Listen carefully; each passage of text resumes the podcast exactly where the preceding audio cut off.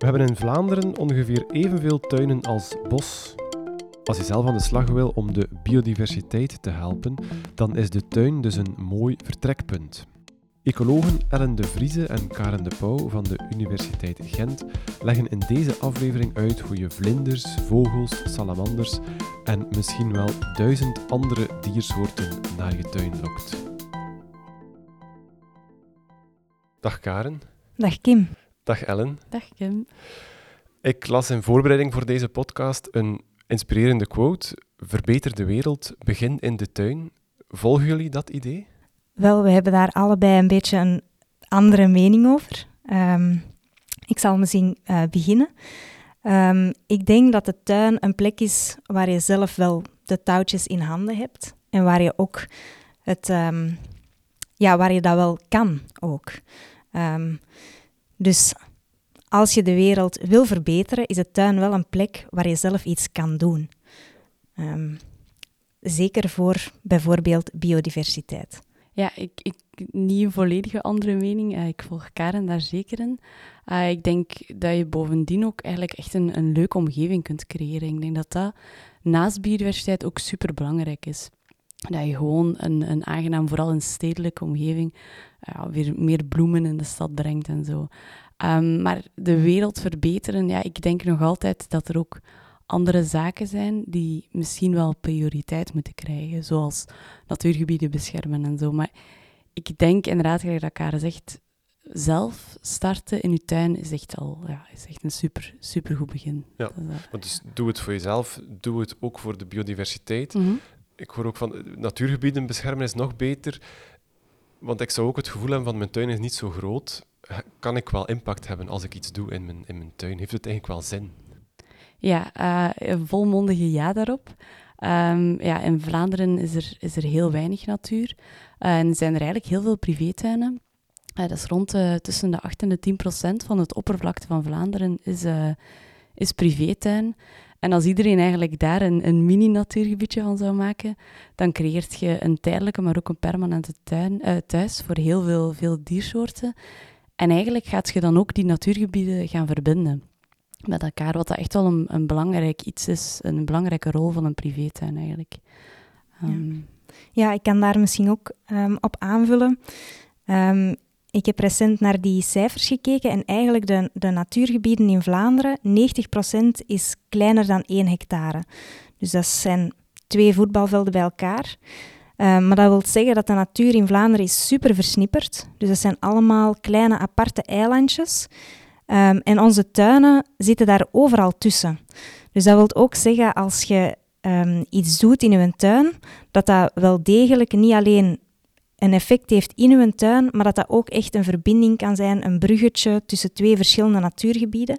En dat dat effect daarvan dus veel groter kan zijn dan dat je op het eerste zicht zou denken. Ja. Hoe ver moet je van die, of mag je van die natuurgebieden uh, wonen om dat bruggetje te kunnen zijn. Want sommige mensen denken misschien van, ja, hier is geen natuur, dus het heeft geen zin in mijn tuin. Oh, dat is heel verschillend. Dat hangt denk ik heel hard af van, van um, de diersoorten waar je naar kijkt. Um, ja, bijvoorbeeld vogels zijn veel mobieler hè, en, en daar gaat het dan over veel grotere afstanden.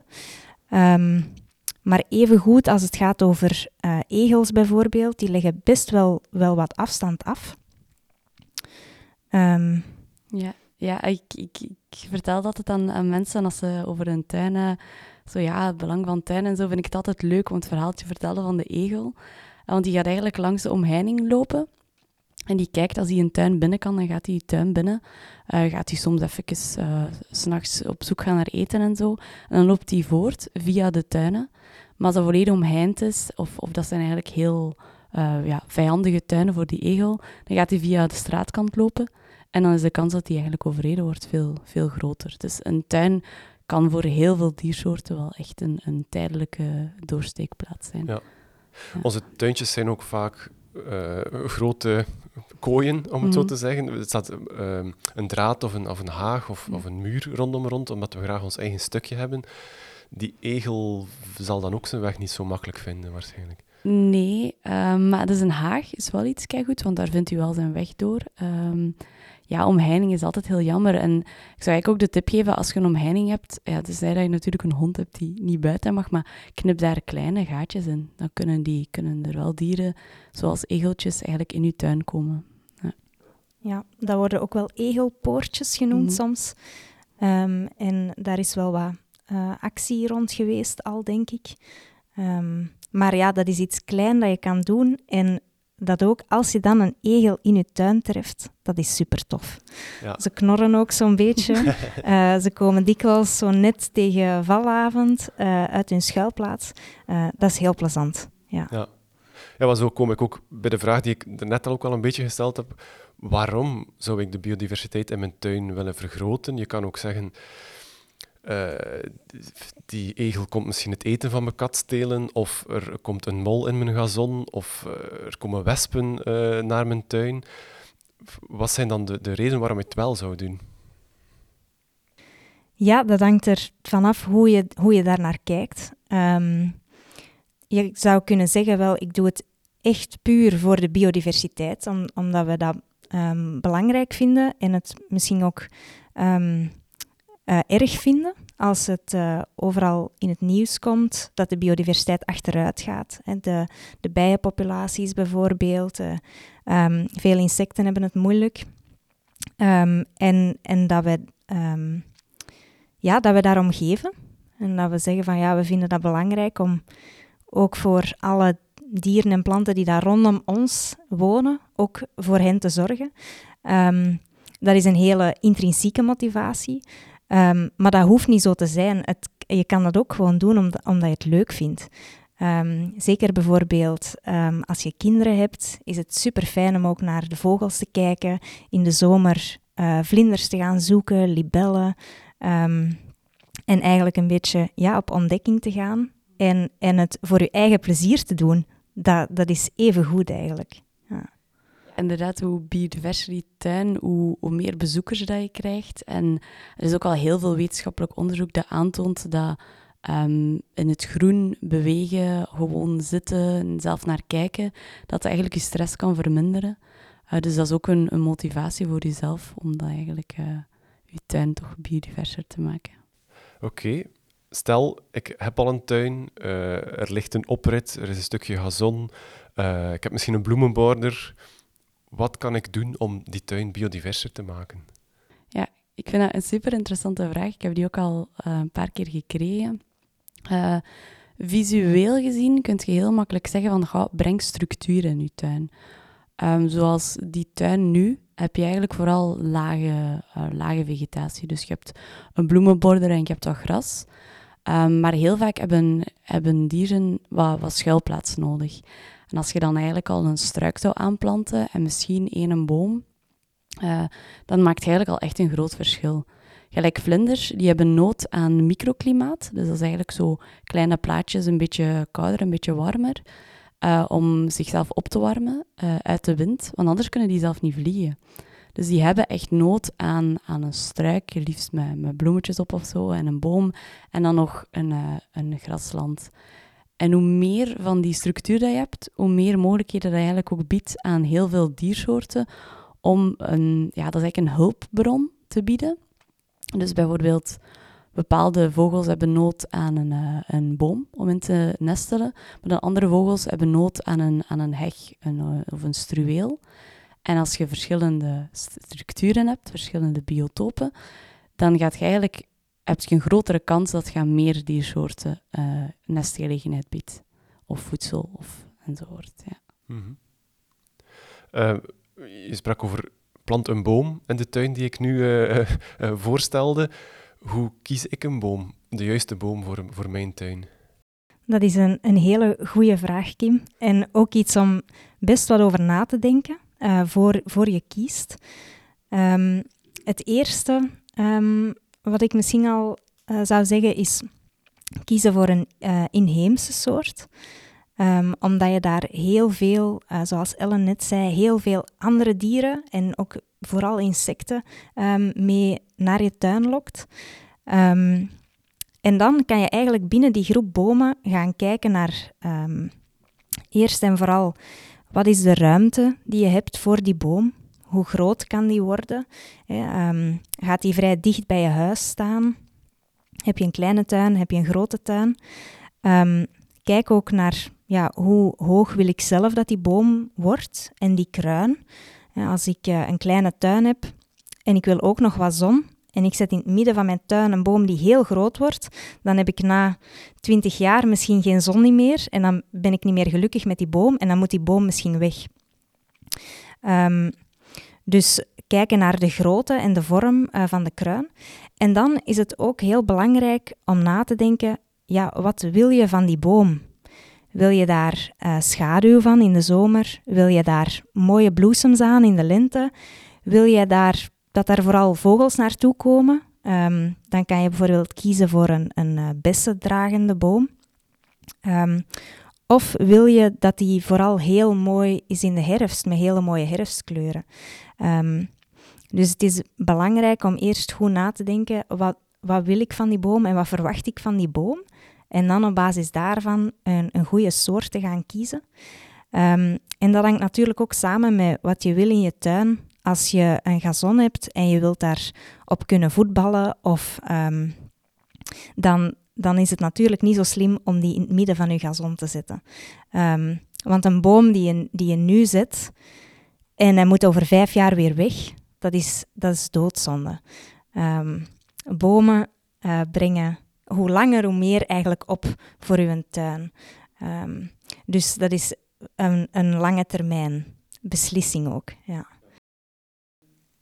En hoe kom je aan die, die kennis om te weten welke boom past in je tuin? Want ik denk dat de meeste mensen een boom kiezen omdat ze die mooi vinden. Niet wetende hoe groot wordt die boom of, of staat die wel juist. Of, Absoluut. Maar hoe, hoe weet je dat? Of moet je daarvoor sowieso een expert inhuren? Nee, dat kan je ook als je gaat naar een tuincentra om een boom te kopen, vraag het daar. Die mensen die kunnen je exact vertellen welke boom hoe hoog wordt, um, het verschil tussen hoogstam of middenstam of laagstam, en die kunnen u daar heel goed in adviseren. Ja. ja. Ik weet niet als er antwoord op die vraag is, maar stel je hebt maar plaats voor één boom. Zijn er soorten die echt ideale bomen zijn omdat ze heel veel te bieden hebben? Uh ja, ik denk dat je... Je hebt sowieso wel soorten die allee, een, een heel mooie bloei hebben. Um, en dan ook vrij resistent zijn eventueel tegen, uh, tegen droogte. Want dat is ook vaak een heel belangrijke in, uh, in stedelijke omgeving.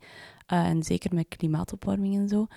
Um, en dan ook ja, mooie bomen. voor mij is het bijvoorbeeld de linde. Maar dat is heel persoonlijk. daar kun je thee van maken, van die bloesems. daar komen heel veel insecten op. Die ruikt super lekker heb je een beetje het nadeel dat er daar ook wel wat... er komt wel honingdauw op uh, en dat plakt eventueel een beetje, maar op zich... Ik denk dat dat heel persoonlijk is. Ik denk niet dat je voor iedereen een ideale boom kunt kiezen. Dat hangt ook af van je tuin, inderdaad, hoe groot um, en zo. Maar ja. Karen, heb jij een favoriete boom? Um, ja, mijn favoriete boom is een eik, maar daar heb je heel veel plaats voor nodig.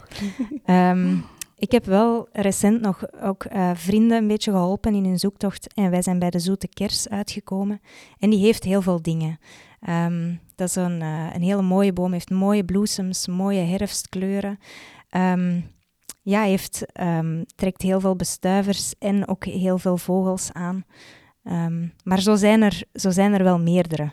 Ja. Dus, uh, mm En wat als je een, een stadstuin hebt met dus heel veel buren, met in het idee, ik ga nu een boom planten die vermoedelijk vrij groot kan worden. Hoe kies je dan een ideale boom om, om in zo'n beperkte tuin met, met veel ja, bebouwingen rond uh, toch, toch succesvol te planten? Um, ja, als het, als het echt een kleine tuin is, um, dan zou ik sowieso gaan voor een kleinere boom. Um, of een boom die, ja, die zeker niet uh, te groot wordt. Ook omdat, dan, omdat je wel veel licht wegneemt. Um, dus als je bijvoorbeeld dicht bij appartementen zit, die dat dan uh, op het eerste verdiep bijna geen licht niet meer binnenkrijgen, dan gaan zij daar niet zo blij mee zijn. Ja, ik ben aan een voorbeeld aan het denken, maar ik kan er zo direct niet op komen. Het is ook zo dat je niet, dat je niet per se een boom nodig hebt. Um, je kan evengoed gaan voor um, een paar struiken bijvoorbeeld. Um, Ellen en ik delen een favoriete struik, de kardinaalsmuts. Ja, daar heb je, die gaan niet zo extreem in de hoogte, of je kan die snoeien. Um, maar die biedt ook heel veel, um, die heeft heel veel geassocieerde biodiversiteit, noemen we dat dan. Heel veel insecten dat daar graag um, op zitten. Heeft prachtige herfstkleuren. hele uh, roze, felle bloemen, bloemetjes. dus dat is, dat is zeker ook iets. je hoeft uh, absoluut geen boom te hebben. Um, als dat niet, niet past in jouw omgeving, dan uh, kan je misschien beter inderdaad voor een paar struiken kiezen. Die dat dan wel op een goede plaats staan en ook in je tuin kunnen blijven staan. Uh, want als je gaat voor een boom in een situatie waar dat, dat eigenlijk niet zo um, goed matcht, of niet gewenst is door buren, als je een heel klein tuintje hebt, dan is de kans groot dat die boom na een paar jaar toch weer weg zal moeten. Um, ja. ja. Je, je bestudeert in je onderzoek de ontwikkeling van stadsbossen. Wat zijn stadsbossen? Stadsbossen, ja, de definitie varieert uh, nogal sterk. Uh, je, kan, je kan eigenlijk bijvoorbeeld ook alle bomen in de stad als één stadsbos beschouwen. Dus dan gaat dat van um, bomen die alleen staan, centraal op een plein, tot straatbomen, tot um, bomen in parken, tot uh, wat ik zou zeggen de echte stadsbossen. Um, bossen die in de stad liggen of heel dicht bij de stad, maar die wel heel dicht aanleunen bij een, een, uh, een echt bos-ecosysteem. Um, ja, dat zijn stadsbossen. Ja, dus ja. een heel brede, heel brede waaier. Mm -hmm, ja. En hoe, welke kansen liggen daar nog? Want ik vermoed in een stad is het ook niet vanzelfsprekend om om meer bossen te gaan planten. Integendeel, er, je leest vaak over protesten van buurtbewoners omdat er bomen gekapt worden in de stad. Hoe, heb je daar al zicht op? Hoe kunnen we daar een succes van maken, van die stadsbossen? Ja, dat, dat is een, een hele goede vraag. Um, mensen zijn dikwijls uh, gehecht aan bomen die ze, die ze kennen in hun omgeving, voor hun deur. Zeker in een, in een stedelijke omgeving worden die bomen eigenlijk nog meer waard, omdat er zo weinig uh, groen is, dikwijls. Um, en uh, we zien dat er nu meer aandacht voor is, um, voor bomen in de stad en stadsbossen. Um, langs de ene kant uh, omwille van het, het bufferen van het stedelijk hitteeiland. En dus bomen, en zeker als groen een beetje overal verweven zit door de stad, kunnen die echt wel die hele hoge temperaturen uh, helpen drukken in de zomer. En aan de andere kant wordt het meer en meer um, eigenlijk algemene kennis dat groen zo belangrijk is voor ons, voor ons mentaal welzijn, voor ons fysiek welzijn. En daardoor is er ook nu veel meer aandacht voor het, um, ja, het proberen vergroten van het groen in de stad. Niet alleen met bomen, uh, maar onder andere met bomen. Um, en ook om de, de bestaande, het bestaande groen robuust te maken voor uh, naar de toekomst toe. Nog één korte vraag over, over bomen. Waar koop ik een boom? Is dat gewoon in een tuincentrum of ga je beter naar een, naar een kweker? Dat kan allebei. Ja. ja. Uh, ja. Ik, ik, denk dat um, afhankelijk ook weer van wat je wilt. Um, dus wil je echt autochtoon materiaal, dus uh, bomen die echt hier in de regio zijn, al heel lang zijn, Um, of, of zeg je gewoon van, ja, ik wil die soort en het maakt mij niet echt uit van waar het is. Uh, dat hangt ook af van ja, waar dat je het wil planten. Uh, is het in je tuin of is het echt een bos dat je wil creëren? En welke hoeveelheden? Want bijvoorbeeld bepaalde kwekerijen kunnen gigantische hoeveelheden leveren. Als je naar een tuincentra gaat en je wilt daar 100 bomen kopen, dan gaat je heel veel geld kwijt zijn. Ja. Dus dat is een beetje, denk ik, uh, de afweging die gemaakt moet ja. worden. Oké. Als je 100 bomen hebt, dan heb je waarschijnlijk ook een heel grote tuin. En dan heb je waarschijnlijk wel ja. het budget om 100 bomen te zetten. dat, is, dat is waar. Ik was eigenlijk aan het denken bomen en struiken. Ik heb 100 bomen gezegd, dat is vrij veel, ja, inderdaad. Ja. um, ah, ik kan daar misschien nog kort op mhm. inpikken, Kim. Um, in november is er ook altijd een actie van Natuurpunt. Uh, behaag natuurlijk. En zij hebben heel veel pakketten met uh, voor hagen aan te planten. Maar ze hebben ook pakketten met bomen voor een klein bosje aan te leggen. Um, of ze hebben ook een paar ehm, bomen die je apart eigenlijk kan kopen. Ehm, en dat wordt elk jaar opnieuw eigenlijk herhaald. Kun je daarvoor inschrijven in september, denk ik. En dan wordt het in uw gemeente uh, eigenlijk heel dichtbij gebracht. Op de goede moment om de boom te planten ook. Ja, ja, want dat goede moment, dat is in de winter. Ja, absoluut. Als de bomen in rust zijn. Ja. Mhm. Oké. Laten we dan een verdieping zakken in de tuin. We hebben nu de bomen gehad. Daaronder hebben we de struiken of, of de hogere planten. Hoe kies ik die al om, om het meeste dieren aan te trekken? Uh, hebben jullie daar ook favorieten of zaken waar ik op moet letten? Uh, ja, ik denk dat dat weer opnieuw een beetje afhangt van, van het gebruik van die tuin. Uh, dus je hebt bepaalde soorten die heel veel bessen dragen. Um, uh, of, of rozenbottel, gelijk rozen. Uh, hondsroos bijvoorbeeld is ook een van mijn favoriete struiken, naast kardinaalsmuts. Um, maar ja, daar moet je ook rekening houden. Hebben, er, hebben ze stekels of niet? zijn er kinderen die willen spelen in de buurt van, dan kiest je best voor doornloze struiken. Um, heb je heel veel ruimte, ga voor een dikke haag, want hoe dikker die haag, hoe, beter dat de vogels erin kunnen nestelen en schuilen. Heb je minder ruimte, ga dan ja, voor, voor um, hagen die gemakkelijk kunnen ge, gesnoeid worden ook. Zoals veldesdoren laat zich wel nog redelijk gemakkelijk snoeien. Um, dus ik denk dat dat heel veel... Het gebruik moet altijd echt over nagedacht worden. Hoe uh, ja, is er ruimte om het te laten groeien? En ik denk dat dat uh, heel veel invloed heeft op je soortenkeuze. Ja. Want als ik het zo goed hoor, heb je ruimte om te laten groeien, zowel van bomen als van struiken eigenlijk zouden we het zonder snoeien moeten kunnen doen. Uh, een boom en een struik worden niet per se graag gesnoeid, dat is waar. Um, maar dat kan zeker. Hè. Dat is zeker geen, geen probleem en dat mag ook altijd. Het moet gewoon op de juiste manier gedaan worden, dus ook op tijd. Uh, je mocht geen, geen een tak van, van een diameter van 20 uh, eh, centimeter gaan snoeien, want dan krijg je gewoon schimmel in je boom. Uh, maar ja, ik, ik denk idealiter heb je gewoon weinig werk ook aan die struiken en aan die bomen. En snoeit je zo weinig mogelijk. Maar dat mag wel zeker. Ja. Jullie hebben de vlinderstruik nog niet genoemd. Dat is zo het, het, het, voorbeeld van de perfecte struik, want die zit altijd vol met vlinders. Is dat geen favoriet van jullie? Nee. nee. nee. En, en dat komt, dat heeft een goede reden. Uh, dat komt omdat de vlinderstruik een, um, een exoot is. Maar hij is naast het feit dat hij dus um, niet van nature in onze regio voorkomt, is hij ook invasief. En dus je zult, um, als je erop begint te letten, dan zie je de vlinderstruik overal. Um, en dat wil zeggen dat het een hele sterke plant is, die zich overal heel gemakkelijk vestigt. Maar dat wil ook zeggen dat hij de plaats inneemt van een plant die hier normaal op die plek zou groeien, um, die wel van nature hier voorkomt. Um, dus daarom is, zijn wij niet zo'n fan van de vlinderstruik. Um, ze, ze, geven heel veel nectar, ze trekken heel veel vlinders, um, maar het enige wat ze doen is eten bieden. Um, en vlinders hebben natuurlijk niet alleen maar eten nodig. Ze hebben ook een schuilplaats nodig, ze hebben een plant nodig om hun eitjes op te leggen.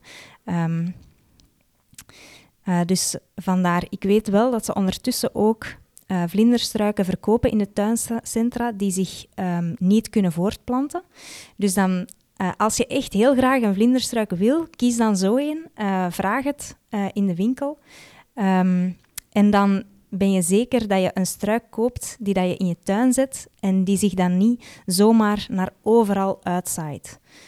Um, ja, bij mij zijn ze altijd van, je moet dat vergelijken met een McDonald's eigenlijk. Dat is zo, alle, alle vlinders gaan er willen opzitten, maar op zich zijn er, ah, ze hebben gegeten, maar dat is het ook. Inderdaad, gelijk dat Karen zegt, van, ze, moeten, ze moeten een overwinterplaats hebben, ze moeten, uh, ja, ze moeten zoveel meer hebben dan enkel die nectar. Dus ja, ik snap ook wel, het is een mooie, mooie struik op zich, dus ik snap zeker dat mensen die willen aanplanten, maar plant er eentje aan en kies inderdaad voor een soort die niet gaat, niet gaat verwilderen. Ja. Mhm. Hier opnieuw, uh, bij het kiezen van de struiken, kan ik ergens een website of een boek raadplegen waar ik kan checken, deze soort is uh, inheems, uh, niet invasief. dus voor je een keuze maakt, dat je toch ergens kan inschatten van oké, dit lijkt me de juiste keuze. Ja, de, ja er zijn websites, invasiviteitscheck is, is een website. Um, dus dat is zeker al interessant om die eens in te geven. En dan zeggen ze van, ja, die is inheems, uitheems, um, invasief.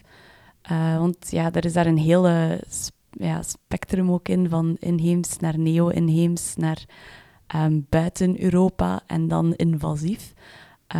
Dus ik denk dat je zeker op die website kunt kijken. Er zijn ook heel veel plaatsen waar dat zowel uh, advies geven, groen van bij ons, denk ik, maar... Ja, ja. Ecopedia. Ja, Ecopedia, ook een heel belangrijk. Is een beetje de Wikipedia voor de ecologie. je kan daar heel veel op terugvinden. Ja, en ook bepaalde plantensoorten kan je opzoeken. en dan ga je heel snel goede informatie vinden. Ja, oké. Als we dan nog eens een niveau zakken, uh, wil ik misschien direct heel specifiek worden. Uh, we komen bij de bloemen uit. Weldra komen de bloembollen uit, de tulpen, uh, de narcissen uh, en dan daarna ook de dahlia's. Zijn dat, dat zijn van die typische tuinplanten. Is dat een goed idee om daar die te planten? Um, ja, dat hangt er ook sterk vanaf. Um, ik kan al vertellen dat ik vorige september zelf ook, denk bijna 100 bollen uh, in mijn tuin gestoken heb. En dan gaat het er een beetje, hangt het ervan af om, om goed te kijken wat je kiest. Um, ik heb bijvoorbeeld gekozen voor heel veel heel vroege bloeiers, die dat, heel veel krokussen, die dat heel vroeg in het jaar komen, bijvoorbeeld uh, al in maart of soms zelfs al eind februari. En dat is een moment waarop dat er voor de rest eigenlijk nog maar heel weinig bloemen zijn. Dus dan um, bied je de bestuivers die al uit hun winterslaap komen, bied je die al eten aan. En dan is dat heel waardevol. Um, uh, ga je meer naar dahlia's, die bloeien op een moment waar, waarop dat er ook heel veel eigenlijk inheemse soorten ook bloeien, uh, dan, dan, is, dan heeft dat eigenlijk een, is dat een kleiner kleinere meerwaarde. Um, bij dahlia's is het ook zo dat je veel dahlia's hebt met een hele volle bloemkroon, eigenlijk, waarbij het hart niet open is. Um, die zijn zo gekweekt omdat wij dat esthetisch mooier vinden. maar dat wil zeggen dat de bestuivers niet in de bloem eigenlijk aan de nectar kunnen. Dus daarmee, um, je kan die zetten als je die mooi vindt, maar dan is het ook goed om te beseffen dat je ze moet zetten omdat je ze mooi vindt en niet voor de bestuivers, want ze gaan daar weinig aan hebben. Ja. Um, dus dan kan je kiezen bijvoorbeeld voor dahlia's met open harten. Die zijn er ook. Die zijn ook heel mooi. Ja, um, ja. Mm -hmm. ja. Oké, okay. en andere bloemen, want ik heb het nu over de bloembollen. Um, ja, zijn er daar bepaalde zaken bij waar je rekening mee moet houden als je bloemen kiest om bijvoorbeeld in een border te planten? Ja, ik denk inderdaad, die, gelijk dat Karen de rest al aanhaalde, die cultivars. Um, vaak uh, worden die zo gekweekt op esthetiek en minder op, op, uh, op ja, nectar produceren en zo. Dus ik denk dat daar zeker uh, een belangrijke ja, kanttekening bij zit. En ook die bloeiboog, die, die Karen ook al had aangehaald. Dus het idee is eigenlijk dat we proberen doorheen het jaar zo lang mogelijk voedsel te bieden aan, aan, aan bestuivers. En dat is door uh, in het begin bloembollen vroeg in te, te laten uitkomen. Maar dan keuze te maken tussen heel veel soorten. En hoe meer verschillende soorten, hoe meer variatie, hoe meer kans dat je hebt dat je over een heel lange periode bloei gaat bieden. En ik denk dat daar, zeker als je een bloemborder gaat aanplanten, daar moet je, kun je zeker rekening mee houden. En dat vind je ook echt gemakkelijk online. Um, voor welke soort ah, die bloeit van van mei tot, tot juli. En dan gaat je voor een andere soort die eerder lang laat bloeit in de herfst. En zo gaat je eigenlijk wel voor zorgen dat ze in je, in je tuin wel altijd iets vinden. Ja, ja. En heb je zelf natuurlijk ook het bijna het hele seizoen lang bloemen in je tuin. Ja. Um. Dus het vraagt wat planning mm -hmm. om eigenlijk voor je aan die tuin begint, of, of je kan dat natuurlijk wel stuk voor stuk ook doen, maar het vraagt ook wel natuurlijk wat, wat planning om dat te doen. Moet je een expert zijn om te kunnen een biodiverse tuin aanleggen? Om dit allemaal te weten, om er overal rekening mee te houden? Nee. Nee. Nee, ik denk dat eigenlijk echt niet. Uh, allee, gelijk ook al in het begin zei, van die structuur is superbelangrijk, maar dat is op zich wel al iets dat heel visueel en heel ja, organisch kan gaan, denk ik. En er zijn ook heel veel websites die info geven. Inderdaad, Ecopedia is daar een heel goede voor. Ehm, en ja, kies ook gewoon wat je zelf ook leuk vindt, uiteraard. Uh, en, en je gebruik is een heel belangrijke. En daar hoef je geen expert voor te zijn. Ehm, er zijn bepaalde zaken die wel expertise vragen. Um, maar ik denk in een tuin dat dat echt de basis is. Variatie en, en structuur, dat dat echt een belangrijke is. Mhm. Ja. We zijn intussen afgedaald naar het, laagste niveau en dan mhm. kom ik onvermijdelijk bij het gazon uit, bij het mhm. gras. We weten intussen wel al dat het goed is om dat wat langer te laten groeien, eh, ook met de Maai Mij niet-campagne en zo. Um, maar misschien is het wel beter om helemaal geen gras te hebben, of heeft gras wel degelijk een, een, een nut in de tuin? Uh, een nut sowieso. Ik denk wel inderdaad, als, je, als de kinderen willen voetballen of als je even in het gras wil gaan liggen, dan kan uh, gazon zeker een, uh, een, een, nut hebben. biodiversiteitsmeerwaarde betwijfel ik sterk. Maar ook daar kan je kiezen voor bijvoorbeeld um, gazon met toch um, bepaalde soorten. En je hebt van kruidhoek, heb je gazon onder het... wacht, het is nectar onder het maïmes. Uh, en daar zitten eigenlijk wel klavers in en zo. En dat is wel echt al een diversiteit in uw gazon. Um, maar ik denk dat ook daar de afweging moet gemaakt worden van, kijk, hoe is mijn gebruik en hoe minimaliseer ik dat? Want vaak hebben mensen gewoon een tuin met een gazon en dan zitten ze op 10% van dat gras. En dat is jammer, want dan gebruikt je eigenlijk heel weinig. Er is heel veel potentieel en je gebruikt dat niet. En dan, door eventueel in te zaaien en minder te maaien, gaat je je biodiversiteit gigantisch omhoog laten komen. Want een lang gras met hier en daar wat bloemen, dat biedt schuilmogelijkheden, dat biedt overwinteringsplaats, dat biedt voedsel, dat biedt zoveel. En dat is eigenlijk gewoon door een beetje lui te zijn en minder te maaien, kun je dat allemaal wel creëren. Ja, ja. ja en naast de, de waarde voor biodiversiteit um, zorgt het er ook voor als je je gazon ehm, minder maait of gewoon je uh, grasmaaier al op de hoogste stand zet, uh, zorgt er ervoor dat je bodem veel beter beschermd is tegen uitdroging. Wat ook je uh, gras um, langer groen gaat houden, omdat de bodem minder uitdroogt en dus je gras langer um, aan water kan. Dus dan is de kans ook veel kleiner dat je in de zomer met een bruine gazonvlakte zit. Um, zeker zoals we afgelopen zomer gezien hebben, als het voor een hele lange periode droog is, dan maakt dat echt een heel groot verschil. Ja. Je zei, het, het, is, het, het is een beetje lui zijn ook, biodivers tuinieren. Mm. Over dat gazon zullen mensen die aan, aan, het luisteren zijn misschien ook denken van ja, maar lang gras, dat is ook wat slordig. Wat zullen de buren zeggen? Uh, hoe, hoe, hoe, wat antwoord je daarop op mensen die zeggen van ja, biodivers tuinieren, oké, maar het is toch wat slordig. Uh, ja, wij denken dat dat het uh, kan samengaan, maar het hoeft niet per se samen te gaan. Dus een biodiverse tuin hoeft er echt niet slordig uit te zien. Um, en ook als je niets doet in je tuin, wil dat ook niet per se zeggen dat je direct een heel biodiverse tuin creëert. Um, het, het, gaat er dan om uh, wat, je, wat je doet of wat je beslist niet te doen. Um, maar daar zijn zeker verzoeningsmogelijkheden. Je kunt er ook heel creatief in gaan. Bijvoorbeeld met die bloemenweiden. Oh, maak daar een mooi vormpje in. En dan zie je ook echt heel duidelijk van, kijk, het is de bedoeling dat die bloemenweide hier is. Het is de bedoeling dat dat lang gras is. Want allee, dat wordt ook heel vaak gedaan in een stedelijke omgeving. Dat noemt oh, de, de, veiligheidsstrook of zo, ik weet niet hoe exact. En dan gaan ze eigenlijk een stukje maaien om heel duidelijk te tonen, kijk, er is gekozen om dit lang te laten groeien. En heel vaak ziet dat er dan ook iets proper erin uh, uit. En, en ik denk dat dat ook wel een leuke manier is om toch biodiversiteit en properheid te verzoenen. Ja, dus een stukje van je gazon langer laten worden mhm. en er wel netjes rond maaien. Ja om dan een goede indruk te maken bij de, bij de buur. Ja. Eventueel. Ja, ja. ja, en daarnaast zou ik misschien ook nog willen aanvullen um, dat je je niet per se zorgen hoeft te maken over wat je buren vinden van je tuin. Um, het gaat er vooral om wat je zelf uh, in je tuin wil doen. Um, en ook, er schuilt ook wel heel wat kracht, denk ik, in, in het Um, als mensen commentaar hebben of u erover aanspreken, eigenlijk vertellen, vertellen wat je doet en waarom. Um, bijvoorbeeld als je je um, bloemenweide hebt gehad in de zomer uh, en je maait die niet in de, in de late herfst voor de winter. Ik heb nu ook in mijn tuin een heel stuk staan met allemaal gedroogde bloemstengels die half op slash recht, uh, rechtop staan of al omgevallen zijn. Dat, dat ziet er heel lelijk uit.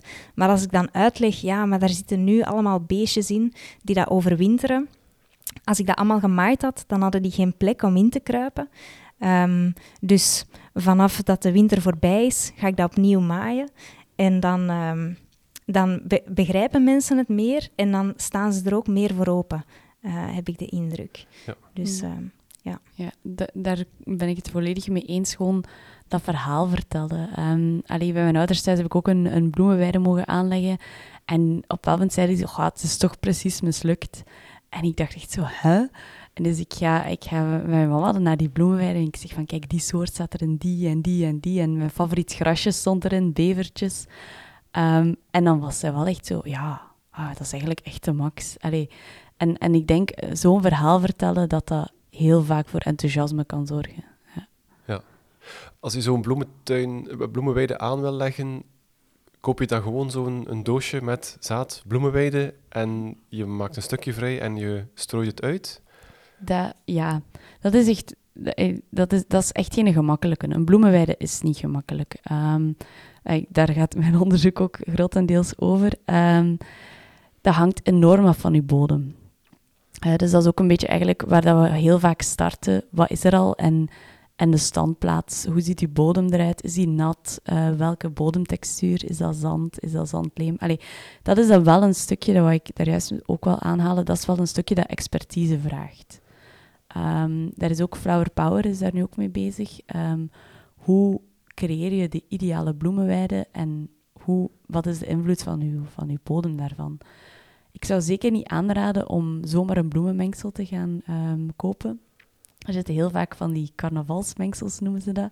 Dat zijn dan soorten uit Amerika en die zien er, ik zou zeggen mooi, maar ik vind dat persoonlijk niet mooi. Maar heel veel mensen zien dat wel graag en dat brengt wel veel kleur. Um, maar dat heeft heel weinig nut voor onze, voor onze insecten. Um, maar ja, Ecoflora, uh, Kruidhoek bieden heel, heel duidelijk toffe mengsels aan. En daar staat er ook op van rijkere bodem, nattere omgeving enzovoort. Maar start je van een heel rijke bodem, dan is het wel, daar is er een beetje expertise voor nodig. Dan gaat je wel echt moeten zorgen van vaker maaien dan, dan dat het gezegd wordt. Uh, ja, dat is, het is echt geen gemakkelijke voor een bloemenweide. Maar het is wel echt de moeite, want het is, het is heel mooi. Het is een heel grote meerwaarde. Mhm. ja. ja. Naast het gazon ligt vaak ook een, een tuinpad, een mhm. verhard tuinpad. Uh, misschien is er een oprit. Uh, over die verharding is er ook vaak veel te doen. Maar hoe gaan we daarmee aan de slag in de tuin? Moet alles, moeten we alles uitbreken? Nee. Uh, nee, ik denk zeker niet dat we alles moeten uitbreken. Ik, heb, allee, ik begrijp ook dat, er, dat er, moet, er moet plaats zijn om bepaalde verharding te maken. Maar ik denk, uh, een beetje hetzelfde verhaal met gazon. Mensen gaan heel vaak gewoon te veel verharding aanleggen. Dus ook daar moet er echt rekening gehouden worden van... Oké, waarom heb ik deze verharding nodig? En hoeveel heb ik nodig? En probeer dat toch te minimaliseren. Want elke vorm van verharding ja, zorgt voor minder mogelijkheid voor biodiversiteit. En ik denk ook dat heel wat verharding uh, kan gepaard gaan met groen. Dus eventueel grasdallen waar toch, waar toch uh, bepaalde kruidachtigen door kunnen groeien en zo. Als je je auto daarop wil parkeren, dat, dat gaat. En dan heb je waterinfiltratie en ook wat, wat plantensoorten en zo. Dus, ja. ja. Mhm. Oké. We hebben bomen gehad, struiken, bloemen, gras, verharding. Zijn er nog zaken waar ik rekening mee moet houden in mijn tuin? Water, Kim. Water, water, water. ja, het is iets dat, dat niet zo vaak in de tuin wordt aangelegd, of misschien niet het eerste is waar mensen aan denken. Um, maar water brengt heel veel leven en ook um, heel veel andere soorten uh, die dat specifiek um, naar dat water uh, toekomen, zoals libellen, uh, maar evengoed kikkers, salamanders. Dus als je water in je tuin brengt, breng je een heel nieuw spectrum aan biodiversiteit mee in je tuin. Ja, en water, dat is dan een vijver aanleggen? Want dan heb je ook wel wat plek nodig natuurlijk. Dat kan van alles zijn. Ehm, inderdaad, als je natuurlijk uh, salamanders en kikkers, dan zou ik wel zeggen van ga voor een kleine vijver zonder vissen. Heel belangrijk. Um, met een glooiende oever waar ze gemakkelijk in en uit kunnen, met een beetje vegetatie. Maar zelf een ton met water kan al echt. Daar kunnen vogels uh, een, een, badje in nemen in de zomer. Daar gaan heel veel insecten op afkomen. Um, dat is drinken voor zoveel diersoorten. Het mag echt heel kleinschalig zijn en dat brengt echt al een meerwaarde, zeker. Ja. Zonder vissen, zeg je? Waarom is dat? Ja, um, heel, heel vaak worden de, de eitjes en, en de larven van de, van de amfibieën opgegeten door vissen. En gelijk um, ja, de, de kleine watersalamander of de, ja, de alpenwatersalamander, die gaan eigenlijk gewoon niet in vijvers komen als er vissen in zitten. Dus je creëert vaak een, een, eh, ideale plaats en dan gaat je daar vissen in steken en dan is dat weer een, een vijandige, uh, vijandige plaats voor, voor die dieren. En dat is heel jammer. Ja. -hmm. Uh, we hebben onze tuin nu aangelegd uh, in, in gedachten. Nu wil ik nog iets extra doen om dieren te lokken. Uh, er zijn wel wat opties bekend natuurlijk. vogelhuisjes hangen, insectenhotels. Zijn dat ook allemaal goede investeringen in, het, in de tuin? Het zijn zeker dingen die dat dieren gaan lokken. Um, maar ook hier is het belangrijk om... Wel, het, het hangt ervan af, wil je de dieren um, kortstondig in uw tuin voor een kort bezoekje aan uh, het uh, buffet? Uh, of willen ze eigenlijk graag het hele jaar doorzien? Of misschien wil je wel graag een nestje, pimpelmezen of koolmezen. Um, dan is het eigenlijk belangrijk om eens te kijken vanuit um, het perspectief van de dieren en te denken, ja, wat hebben die eigenlijk allemaal nodig? En dat is niet alleen eten, uh, in het geval van vogels. Uh, um, een waterbadje voor drinken bijvoorbeeld, um, een struik of een takkenril als schuilplaats. En hoe, hoe meer je eigenlijk in je tuin um, alles gaat voorzien wat zij nodig hebben, hoe groter de kans is natuurlijk dat ze gaan komen en dat ze ook graag in je tuin gaan verblijven. En voor insectenhotelletjes is dat net hetzelfde. Um, daar is het ook wat belangrijk om te kijken naar de, naar de grootte van de, uh, van de openingen van de buisjes. Um, maar dat zijn vaak ook um, types bijensoorten die dan niet zo heel ver vliegen. Dus als zij in uw insectenhotelletje eitjes gaan leggen, de nieuwe bijen dat daaruit komen, die hebben ook eten nodig en die vliegen niet zo heel ver. Dus als je gaat voor een insectenhotel, zie dan ook dat je wat bloemen voorziet in je tuin, zodat ze ook eten hebben als ze wakker worden. Los van de, van de grotere tuinen ben ik ook nog één bijzondere vorm van tuin vergeten. In stad natuurlijk gewoon het balkon. Uh, mensen zullen er waarschijnlijk ook wel niet bij stilstaan dat dat als een tuin kan gezien worden. Maar kan je ook op je balkon een biodiverse tuin organiseren? Ja, zeker. Um, ik, ik, ik woon in Brussel en ik weet nog dat vorig jaar we hadden zo uh, bloembakken. Um, we hebben een mini kalkraslandje proberen maken. Maar op het vierde verdiep in centrum Brussel had ik bijen op bezoek. Dus ja, dat kan echt wel, zeker. Er is ook heel veel inspiratie op het internet van bloembakken en wat dat je kan aanplanten. En dat vergt natuurlijk iets meer werk qua water geven en zo. Maar ja, zelf inderdaad een waterelementje ook hè, op je terras. En ja, ik ben zeker dat je op je balkon heel wat kunt doen. Ja. Als we van het balkon springen naar het, het dak van een appartementsgebouw, of ook gewoon van, eh, van mensen die thuis een, een, vrij groot plat dak hebben, is het daar ook een goede ingreep om, om een daktuin te gaan aanleggen? Zeker, ja. Er is ook al heel veel onderzoek naar, naar groendaken. Um, begin daar niet zomaar aan, want dat is belangrijk dat, uh, dat je dak sterk genoeg is. Maar tegenwoordig nieuwbouw is daar allemaal op, uh, op, op voorzien.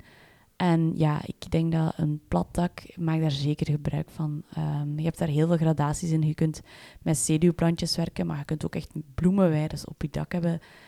Dat is afhankelijk van hoe ambitieus je bent. Maar dat kan echt een, een meerwaarde zijn voor de biodiversiteit ook. Ja. Ja. Ook als je in een groene omgeving woont, wat je zou kunnen zeggen, alles er rond is al groen in de tuin, heeft het dan nog zin om ook nog dat dak aan te pakken? Ik denk in een regio gelijk Vlaanderen is alles wat dat kan vergroen worden, zou ik zeggen, ja, als het kan, is het zeker een meerwaarde, ja. ja. ja. Mhm. Dan wil ik het ook nog eens over de moestuin hebben, want veel mensen hebben natuurlijk ook een moestuin. Daar wil je natuurlijk veel oogst van je wil het waarschijnlijk niet delen met andere dieren, uh, dus worden er ook wel eens uh, insecticiden gebruikt en zo. Is een moestuin niet verenigbaar met een biodiverse tuin? Het kan.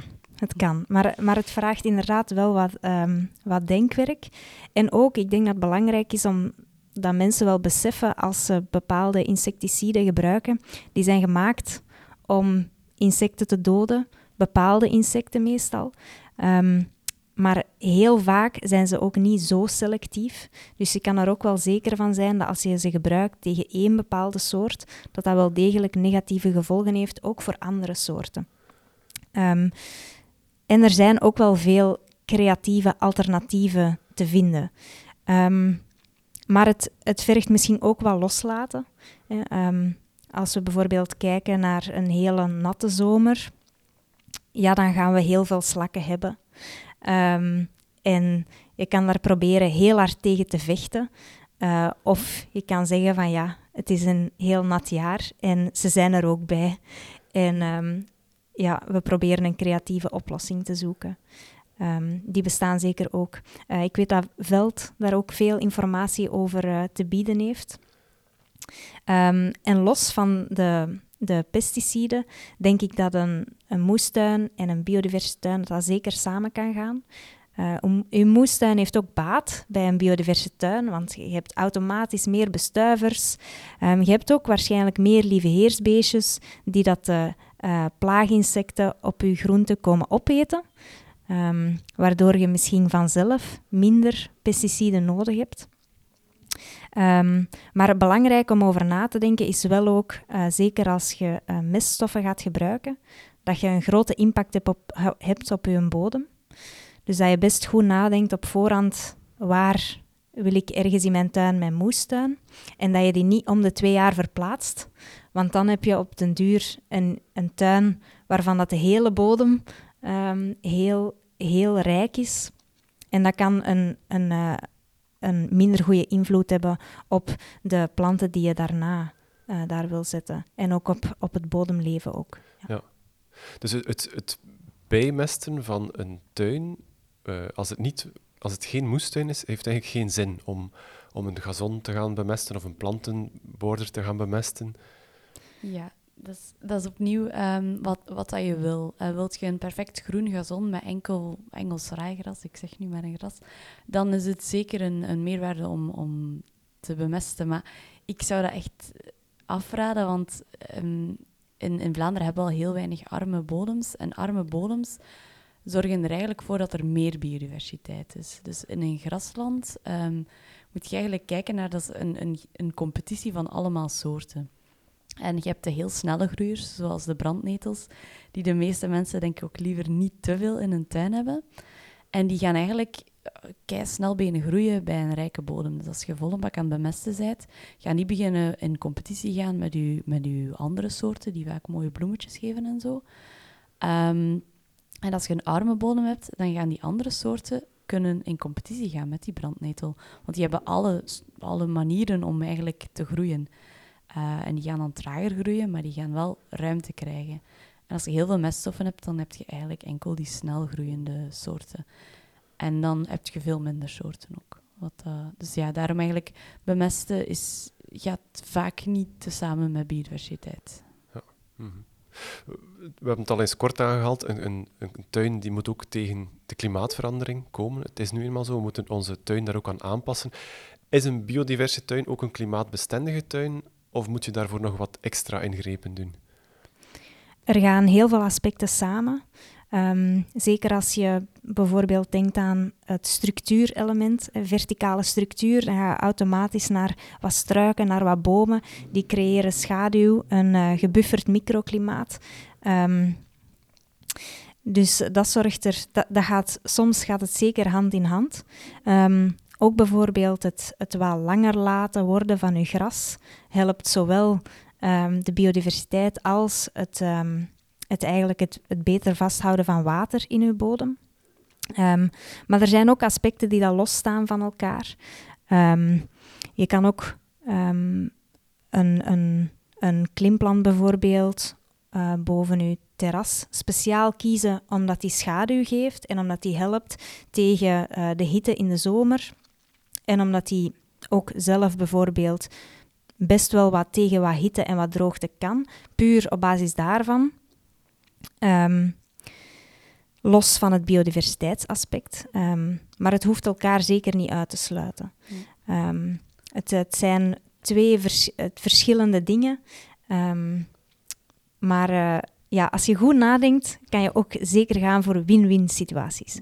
Want ook die variatie, hoe meer soorten, is er dan één soortje dat toevallig niet tegen die droogte kan, en dan gaat je niet op opmerken. Maar gaat je allemaal één soort aanplanten en dat is net die soort die daar niet goed tegen kan, dan ja, is er heel veel weg.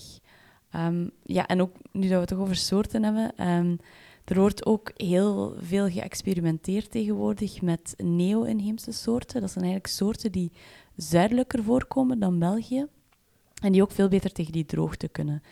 En ik denk dat dat ook in stedelijke omgeving wel echt een toekomst heeft. Um, dat bepaalde soorten die echt droogteresistent zijn, daar wel echt een plaats kunnen krijgen. Want um, ook uh, de groenbeheerder van Aalst zei altijd: um, je hebt beter een boom die iets zuidelijker voorkomt in, in Europa en die, die goed staat dan een half boom die hier van nature voorkomt. Want ja, dat, het is aan het veranderen. Het, ja, het klimaat verandert en ja, we gaan een beetje moeten meehelpen, zeker in stedelijke omgeving. Ja. ja. en zeker ook voor die organismen met een hele lange levensduur. En soms uh, denken we daar niet altijd over na, maar als je natuurlijk een boom plant, dan wilt je ook graag dat die zijn hele leven gezond op die plek kan doorbrengen. En we weten nu dat het klimaat over 50 jaar, over 100 jaar, wat dat ook normale leeftijden zijn, voor, zeker voor een aantal inheemse soorten hier, um, dat het klimaat heel anders zal zijn. Um, dus dat is zeker iets wel om over na te denken. Ja. ja. Mm -hmm. Ik heb de indruk dat we ook nog zo lang, eh, het zal geen 50 jaar zijn, maar toch lang kunnen verder babbelen hierover. maar ik krijg stellen ook zin om in de tuin te gaan werken, dus we moeten misschien toch eens afronden. Hebben jullie misschien nog één finale tip voor mensen die hun tuin biodiverser willen maken, of iets waar ze zeker rekening moeten mee houden?